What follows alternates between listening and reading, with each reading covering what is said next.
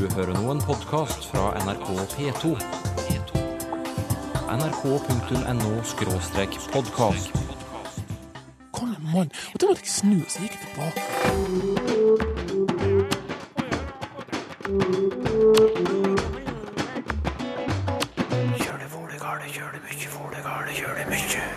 Jeg er altså språkorakelet her på forskningsdagene ved Babels tårn. Og språkoraklet får mange interessante spørsmål. Hvordan har de skapt de forskjellige dialektene, og hvorfor har vi ikke bare én dialekt? Kan en ordbok mette flere munner i Zimbabwe? And then you have Zimbabweans that can eat, Zimbabweans that can survive better than what they're doing right now. I dag ser du morsk ut, Sylfest Lomheim. Og du Alvera. Åh, såpass, ja. Og nå må folk Ja. ta seg sammen. Å ja. Er det bøyningsfeil nå igjen, da? Jo, det er trestreksfeil. Den oppklarer vi litt senere. Hvis du fikk muligheten til å møte et språkorakel og stille spørsmål om språk, hva skulle det være? La oss ta turen til Bergen, til forskningsdagene som ble avviklet nylig. For der fikk alle sjette- og sjuendeklassinger i byen akkurat det tilbudet, å møte et språkorakel. Til vanlig heter hun Benedicte Irgens og er førstelektor i japansk ved Universitetet i Bergen, men denne dagen hadde hun altså en annen rolle. Jeg er altså språkorakelet her på forskningsdagene ved Babelstårn. I et av hjørnene på det store teltet på Festplassen i Bergen, gjemt bak ei tynn oransje gardin, sitt språkorakelet Benedicte Irgens fra Universitetet i Bergen. Hun har funnet seg til rette i en gammel stol og har på seg noen uvanlige klede. En svart trollmannshatt og ei slags brun munkelignende kappe med hvitt taubelte. Jeg skal sitte her og svare på spørsmål. Og så har jeg også et bord ved siden av stolen med masse bøker på, som jeg kan eventuelt bruke hvis det blir veldig vanskelige spørsmål jeg får. Og så har jeg en liten papegøye med meg her. Den er ikke ekte, men den sitter på hånden min. Og den kan jo i verste fall repetere det folk sier, hvis jeg trenger å få det repetert. Målet til Irgens er å få de besøkende sjette-sjundeklassingene interessert i språk. Sjøl jobber hun som første lektor i japansk ved Instituttet for fremmedspråk ved Universitetet i Bergen. Hennes oppgave under forskningsdagene er å svare på spørsmål fra nyfikne elever. Det viktigste jeg vil oppnå i dag, er å få de som kommer til å oppleve at de fikk noen svar som fikk de til å tenke litt på ting de ikke har tenkt på før. At jeg skal få de til å le litt, for jeg ser jo litt morsom ut i dette Harry Potter-kostymet jeg har fått på meg. Og at de kanskje kan ha noen litt sånn artige utvekslinger av synspunkter. Hvor god selvtillit må en ha for å kunne kalle seg språkorakel? Ja, det kan du si. Det er jo en veldig ambisiøs tittel, da. Og det finnes jo ingen språkorakler. Men eh, hvis man har jobbet og forsket på og studert og forholdt seg til temaet, som jo er språk her, så, i så mange år som jeg selv har, så har man jo fått en ganske god breddekunnskap om en rekke forskjellige ting. Så vi får se hva slags spørsmål jeg får. Ja, hvor klar er du til å ta imot eh, barneskoleelevene nå? Jeg er klar. Kan du eh, eng... Nei, eh, hva heter det? Kinesisk? Kinesisk, nei, det kan jeg ikke. Men jeg kan si noen ord, og så kan jeg lese lite grann, fordi jeg kan japansk, og det er veldig mange tegn som er make Men eh, jeg har veldig lyst til å lære det. Det hadde vært veldig gøy å kunne kinesisk. Snakker japansk. Forstår du på en måte eh, Snakker du veldig fort da? Jeg kan snakke fort. Jeg kan godt snakke. Skal jeg snakke masse japansk til deg? 日本語はこんな言葉でそんなに難しく私にとってはそんなに難しくないけれどみんなにとっては何それって感じだよね。Dette språket her høres sikkert veldig rart ut for dere, men for meg er det helt vanlig, og sånn høres japansk ut når jeg snakker det. Det var det jeg sa. Irgens får mange spørsmål, og det er kø for å komme inn til henne. Sjøl syns hun det går bra. Det har vært veldig greit foreløpig. Særlig når de kommer og spør meg kan du japansk, og så sier jeg ja. Da er det jo, da er det jo gøy. Da, da kan jeg jo mye. Noen av de som står i kø for å komme inn til Irgens, er en guttegjeng i sjette klasse fra Kronengen skole i Bergen. De står og tripper medan de planlegger hva de skal spørre språkorakelet om. Jeg lurer vel på hvordan de har utviklet seg fra dialekt til dialekt. Hvordan det, det jeg egentlig vil vite, det er egentlig ja, hvordan har de skapt de forskjellige dialektene, og hvorfor har vi ikke bare én dialekt? eh, mens vi har liksom forskjellige istedenfor. Endelig er det deres tur til å få svar. mange språk kan du? Fem, eh, fem språk, og så litt grann fransk, men ikke så veldig mye. Jeg kunne fire språk. Nå kan jeg kun tre. Hvilken klasse går du i? Sjette. Ja, jeg lurer på hvordan dialekter og sånt kan ha utviklet seg i Norge. Ja. Altså, det er jo sånn at språk utvikler seg uansett, fordi at tiden går. Og så kommer det nye generasjoner, og de nye generasjonene de tolker lydene og ordene og hele systemet på en ny måte. Og så er det gjerne sånn, Før i tiden så snakket man ikke like mye med hverandre. Hvis det var et fjell mellom bygdene, så traff man hverandre ikke. Og så utviklet det seg litt sånn fordi man ikke hadde kontakt. Men jo mer kontakt der er, jo mer begynner det å ligne litt på hverandre, på hverandre igjen. Ja, Vi får kanskje gå nå, vi. OK, tusen takk for besøket. Takk for at du svarte. Det var litt utrolig at hun kunne så mye. Det er jo ikke alle som Ja, kan det. det var litt kult. Ja, at hun kunne alle språk, eller masse forskjellige språk og sånn. Det er sikkert mange bøker. Så hun så, hun så litt funny ut, da. Ja, Hun kunne fem språk. Fem språk. Guttene er fascinert over språkorakelet, og de er mektig imponert over kunnskapen hun sitter inne med. Det var en interessant dame. Hun svarte på spørsmål. Det var jo bra. Og så fikk jeg lære litt om hvordan vi liksom hadde greid å kommunisere, selv om vi snakket forskjellige språk. Jeg ble ganske imponert. Det var jo kanskje det jeg hadde tenkt, da. Men jeg ville jo være sikker på svaret. At hun, hun så litt smart ut og sånt. Var det hatten som gjorde det? Nei, det var brillene. Hun virket veldig klok. Jeg tror hun hadde studert ganske lenge. Men hun, det var liksom Ja, papegøyen og sånn var eh, Alt det der. Ja. Overbevisende, da. Det er ikke bare guttene som er imponert. Også Irgens er imponert over spørsmåla hun fikk av elevene i løpet av dagen, og innrømmer at hun ble satt fast. Jeg fikk to spørsmål jeg ikke klarte å svare på. Det ene var hvorfor heter det språk? Og Det sa jeg det var et veldig godt spørsmål som jeg burde kunne svare på, for det handler jo om etymologien til ord. Og det andre var hvilket språk snakker de på Montenegro? Og da ble jeg litt sånn ops. Det er også sånn som jeg sikkert burde visst, men jeg vet ærlig talt ikke. Men det var det hele. Ellers så klarte jeg noenlunde å svare på det de hadde spurt. For Irgens var det kjekt å få språkspørsmål fra de unge, for hun tykker språket og måten vi bruker det på er viktig. Vi bruker det jo absolutt hele tiden. Og vi utsettes for det absolutt hele livet, i alle tenkelige varianter. Så jeg tror kanskje at det er så viktig at vi av og til glemmer det. Det er nesten som for en fisk å være i vann. Det er som vannet for fisken, så å si. sant? Hvor viktig er det å klare å engasjere de unge i dag? Når det gjelder de unge, så er det kanskje mange som mm, De har jo mye språkrelaterte ting på skolen, selvfølgelig. Men nettopp i og med dette her eh, ungdomsspråket og chattespråket, eh, så kan det være spesielt viktig for unge mennesker å huske på at av og til er det viktig å være litt mer presis i hvordan man uttrykker seg. At ikke de blir for sånn ja, ja, du skjønner hva jeg mener, ja, sånn er det, ja, du vet liksom sånn er det.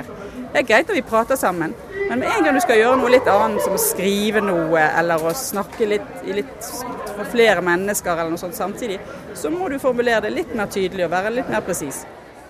Det sa Benedicte Irgens, førstelektor i japansk ved Universitetet i Bergen. Reporteren vår heter Marita Skeie.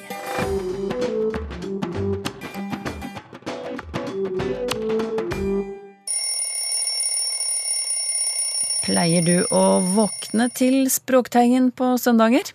Da må du stille alarmen tidligere, søndag 20. oktober. For fra klokken ni byr vi på en to timers spesialsending om språklig mangfold. Skal vi gli til byen og hooke et par mabs og grise? Jeg skjønte det. Du skjønte det? De mener de snakker den nye norsken. Et av mange temaer i Språkteigens spesialsending søndag 20. oktober klokken ni. Kan en ordbok fø et folk? Selvfølgelig ikke, men en ordbok kan bidra til å mette flere munner. Det mener språkforskeren Emanuel Chabata fra Zimbabwe. Du møtte ham her i Språkteigen for et par uker siden, og da sa han blant annet dette. You know, i- language is something that you need to facilitate. Språk fremmer utvikling, mener Chabata, som er eh, direktør for det afrikanske språkforskningsinstituttet i Harare. Han har vært med på å dokumentere de to største språkene i Zimbabwe, shona og ndebele, bl.a. gjennom ordbøker. For selv om kolonitiden er over for lengst, er engelsk fremdeles det offisielle språket i landet. English is the language. Nå arbeider Emanuel Chabata for å lage en ordbok med landbruksterminologi. I første omgang på shona, det språket 70% av zimbabwerne snakker. Og en slik ordbok kan altså være med på å øke matproduksjonen, mener Chabata. Landbruk er ryggraden i den zimbabwiske økonomien. Is the mainstay of people's lives. This is this is where people get their livelihood from. Maybe 70% of Zimbabweans rely on agriculture for their living. Landbruk er fundamentet i folks liv, levebrødet deres. Rundt 70 av innbyggerne er avhengige av landbruk. Men However, all information that comes on agriculture is in English. So what it means is many people cannot access that knowledge. All skriftlig informasjon om landbruk finnes utelukkende på engelsk. Mange zimbabwere kan ikke engelsk, dermed har de ikke tilgang til denne kunnskapen. So the idea is that we need to domesticate that knowledge. We need to have this information in a language that people can understand. What happens then? When they have information that they need, then that would increase productivity. Vi må sørge for at folk får den kunnskapen de trenger, på et språk de forstår. Bare på den måten kan bøndene produsere mer, sier Emanuel Chabata, og illustrerer poenget med et eksempel. Det handler om gjødsel, fertilizer. People get used to, you know, different kinds of things. So they were used to some type of fertilizer. So they know how to apply it. But at some point, we had a new type of fertilizer with its instructions, very clear instructions. But these, are, these instructions are in English. Folk var vant til å bruke én spesiell sort gjødsel, og visste hvordan den skulle brukes. Men så kom en ny type på markedet, med god bruksanvisning, ikke til å misforstå, men bruksanvisningen var på engelsk. So people can't decode, they can't understand what, what the instructions are saying. So they continue to apply this fertilizer the same old way they used to do with the other fertilizer. And most crops got bent. Nei, det gikk ikke så bra. Bøndene kunne ikke lese den engelske bruksanvisningen. Derfor brukte de gamle metoder på den nye gjødselen. Og mange avlinger slo feil. So our argument now is, you know, provide farmers with information in the language that they understand. They can read and write in Shona, in Debele, in other Zimbabwean languages, but they cannot read and write in English. So they don't understand it. So if you put information in the language that, that they understand, ah, then you are empowering the nation. Jeg mener bønder i Zimbabwe må få den informasjonen de trenger på det språket de behersker, nemlig morsmålet sitt, sier Shabata. Jordbruk er landets viktigste næring, og hvis alle får tilgang til kunnskap om jordbruk, vil det styrke nasjonen. So we are not only focusing on the dictionary per se, but we are saying when we compile that dictionary, it means we are standardizing the terminology that we need to describe you know, agricultural activities. Gjennom å lage en ordbok for landbruk får vi også laget en standard for hva ting skal kalles. I dag kan en teknologisk nyvinning ha flere navn. People are not docile. People create terms. Whenever they meet a new thing, they have a way of dealing with it linguistically. When you have a cell phone, people would create a Shona word for a cell phone. The problem is these words are created spontaneously. Nobody is actually in charge of creating these words. So at the end of the day, you'll have maybe three, four for one item. Det fantes f.eks. ikke et ord på shona for mobiltelefon, så folk laget sine egne ord. Problemet er at ordene oppsto spontant. Ingen hadde noe overordnet ansvar. Og dermed fins det nå tre-fire ulike ord for mobil. Flere ord for datamaskin og andre moderne fenomener. Derfor må vi standardisere. So what, what you need to do in that particular, case is to standardize. But you will obviously have gaps. When you have gaps, then you create. You coin new terms. You coin new words. Vi må standardisere så alle vet hva det er snakk om. Og finnes det ikke ord for en prosess eller et moderne redskap, så må vi lage en ny terminologi. Remember, technology is not stagnant. Every day, new stuff is coming up. They, they cannot interact with this technology because it's in a language that they don't understand. Zimbabwe is also importing stuff from countries like China, where you know instructions are in those you know characters. They can't use it. Det kommer ny teknologi hele tiden. Men mange kan ikke dra nytte av den fordi de ikke forstår instruksjonene. Zimbabwe importerer bl.a. fra Kina med bruksanvisninger på kinesisk. Helt ubrukelig for folk, sier Chabata. So we are saying the dictionary, you know, that we are planning will help to empower people with knowledge. Emanuel Chabata mener at med en slik terminologi, ordbok som redskap, vil f.eks. det afrikanske språkforskningsinstituttet i Harare kunne ta ansvar for å oversette alle bruksanvisninger og alle instruksjoner knyttet til jordbruk. Standard translations for the whole country. And then that way we have farmers who are confident land and using modern day technology. Slik får vi bønder som både har den tradisjonelle kunnskapen om jordbruk, men som også kan nyttiggjøre seg moderne teknologi, og dermed øke produktiviteten. And then, you know, we increase productivity. And you have Zimbabweans that can eat, Zimbabweans that can survive better than what they are doing right now. Mer mat, flere som overlever. Det blir forhåpentligvis resultatet dersom Zimbabwe får en egen ordbok med landbruksterminologi.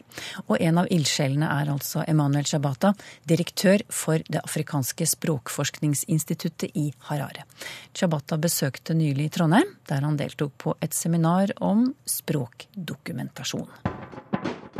Det blir kvall, og så blir det morgentall, og så blir tall hvis ikke jeg blir klein. Sammensurium, det er et av ordene du skal forklare i dag, Sylfest Lomheim. Men vi begynner med et annet spørsmål, fra Gustav Larsson. Hva er opphavet til ordet imidlertid, og hva er korrekt bruk? Opphavet er det samme som eh, i mellomtida. I mellomtida skjønner vi jo, det er mellom og tid. Imidlertid er bygd opp på samme måte. Det er i, og så er det midler, og så er det tid. Og midler har med middels, eller medels, altså det som ligger imellom noe. Og det betyr òg mellom to punkt, eller midt på. Så historisk sett er det i mellom tid. Men bruken har etter hvert blitt eh, annerledes, og i våre dager så bruker vi imidlertid som ord for likevel, ikke desto mindre, og i nokre tilfeller også ordet men. Det er ikke rart at imidlertid er et um, egentlig ord som er populært hos en del skrivere, fordi at uh, vi hører jo av forklaring at det kan ha uh, to-tre litt ulike meningsfunksjoner i ei setning. På Facebook spør Ole Nilsen kan dere forklare ordet rett. Det har jo så mange betydninger. Rett fram, matrett, strafferett, rettighet osv. Hvor kommer ordet fra, og hva er sammenhengen? Ja, et så kort og enkelt ord som rett. Fire bokstaver. R-E-T-T. Men du all verda hvor mye forklaring det står under det oppslagsordet i ordboka vår. Rett strafferett, du har en rett til noe, og rettighet, og så videre. Det er egentlig samme ordet, og det tror jeg mange vil forstå. Og vi finner òg dette ordet i alle germanske språk. På engelsk så har vi jo right og vi har det på islandsk, tysk, recht og nederlandsk og i alle skandinaviske språk. Grunntydinga i alt dette er noe som er beint, rakt fram. Det er faktisk rett òg i slekt historisk med rak. Vi kan sjå dette visuelt som beint fram, rett fram. Og da kan vi kanskje òg forstå at strafferett og det å ha en eh, rettighet, det er noe som du skal ha, altså er det beint. Vi kan på en måte forstå den utviklinga i meining. Det som er rarere, er matrett. Jeg trodde jo faktisk at det ikke hadde noe med alle de andre orda å gjøre, men det viser seg at det også langt tilbake kjem fra samme ordet, men vi har lånt det inn i nyere tid og eh, fra tysk, så det har liksom kommet inn fra sidelinja igjen seinare, men er historisk i slekt med de andre. Og det er også samme ordet vi har i det faste uttrykket rett og slett, for slett er jo det som er glatt og fint og polert, og rett betyr beint. Så rett og slett er grunnen et annet ord for beint og glatt eller flatt. Hva er et surium, spør Leif Halvard Silli, og han viser til ordet sammensurium. Jeg tror nok at vi har surium bare som andre delen av ordet eh, sammensurium, eller, eller sammensurium på bokmål.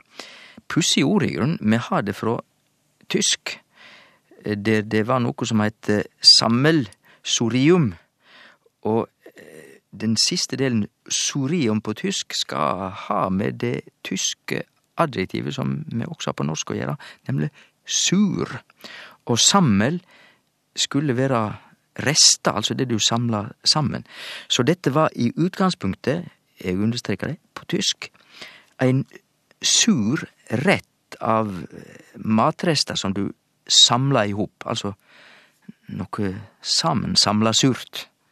Og det har tyskerne laga til sammelsurium, som har blitt til vårt sammensurium. Og det høres liksom litt latinsk ut, for det ender på ium, men det kjem ikkje fra latin, det er rett og slett ei tysk laging av en sur matrett av rester. Og på norsk, når vi bruker dette et sammensurium av det og det, så høyrer vi at det er nærast en lapskaus av alt mulig, og det ligger i underteksten at dette er ikke høgverdige ting. Så det er gamle rester. Morten Sikkel forteller at det ble en liten prat i familien hans forleden om forskjellen på ordene øve og trene, og den foreløpige konklusjonen hjemme hos ham er at man trener for å bli sterkere, mens man øver for å bli flinkere. Er du enig, Sylfest? Ja, langt på vei. Eh, I alle fall så vil jeg si det at eh, å trene, det assosierer jeg veldig tydelig med idrettsprestasjoner. Da trener du for å bli ikke bare sterkere, men raskere, betre, eit eller anna. Men å øve, det kan du òg gjøre som idrettsmann, men vi høyrer òg at øve er like mykje brukt i andre sammenhenger. Det å spille på piano, da øver du for å bli bedre, du kan øve deg på å skrive stil, altså øve ha en breiare bruk enn trene som stort sett blir brukt i sportslige sammenhenger. Så vi kan slå fast at det orda har mykje til felles, men det er litt skilnad i bruken i norsk språk. Og forklaringa på det er nok sikkert at vi har lånt disse to orda frå to forskjellige språk. Og trena har vi frå engelsk train, medan øva har vi frå tysk üben. Det engelske train er faktisk i slekt med òg det engelske ordet for train tog. For grunntyinga i engelsk, det har med å, å trekkja, å trekkja opp eller å trekkja fram. Altså, du trekkjer deg opp, du prøver å bli bedre, altså gå fram.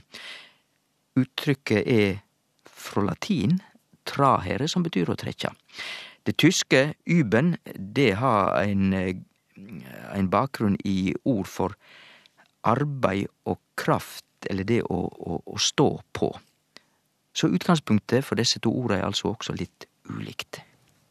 Idar Alfred Johannessen registrerer at ikke alle bøyer ordet medium riktig. På NRKs nettsider leste han f.eks. følgende Som første norske medie har NRK nå fått tilgang til det omfattende materialet om osv. osv. Hva er galt her, Sylfest? Jo, det er trestreksfeil. Som, det, som første norske medie har NRK Det er jo klart at som første norske medium har NRK nå fått tilgang til. Vi kunne med noe velvilje si at de har underforstått det her, og så som underforstått det første norske mediet, men det tror jeg ikke er tilfellet. Og det er egentlig eh, ikke bare mediet som blir brukt nå slik på denne måten, men jeg jobber jo i høyere utdanning, og du all verda, universiteta nå skriver, sender ut informasjon om, og det er et studie så ofte å sjå, det er jo ett studium eller eitt studium. Én studie på norsk, eller én studie, det er noko anna. Så det heiter eitt medium og eitt studium. Og nå må folk ta seg saman. kan dere gi en forklaring på verbet å rutte, spør Morten Olsen Haugen. På norsk bruker vi det vel i dag bare i faste uttrykk som å rutte med. Men hvor kommer ordet fra, og har det noen gang hatt en videre bruk på norsk enn det har i dag? Det har det nok ikke, men vi har fått det fra dansk. På dansk eh, har det mer tyinga å sløsa med, men det er heller ikke danskene som står bak dette verbet å rutta. Det kjem fra tysk, og i tysk hadde det opphavleg ei litt videre tying, altså der betyr det å å tura, fara omkring, tura fram, altså litt eh, skjøtaslaust. Eh, det er bruken på tysk. Men så har det fått ei innsnevra meining på vegen opp til norsk, så nå er det jo bare å bruke penger og disponere penger på norsk. Har du spørsmål til Språkteigen? Skriv til Teigen, krøllalfa nrk.no, eller til Språkteigen, NRK P2, 7005, Trondheim. Så finner du oss også på Twitter og på Facebook. Har du hørt om den amerikanske leksikografen som samlet på familieslang? Han eh, så bl.a. på forkortelse som ble brukt eh, i eh, familiesammenhenger. Bl.a. FHB, Family Hold Back, som da ble gitt som en kode til de andre familiemedlemmene hvis det begynte å bli lite mat på bordet når man hadde gjester. Språkteigen om en uke.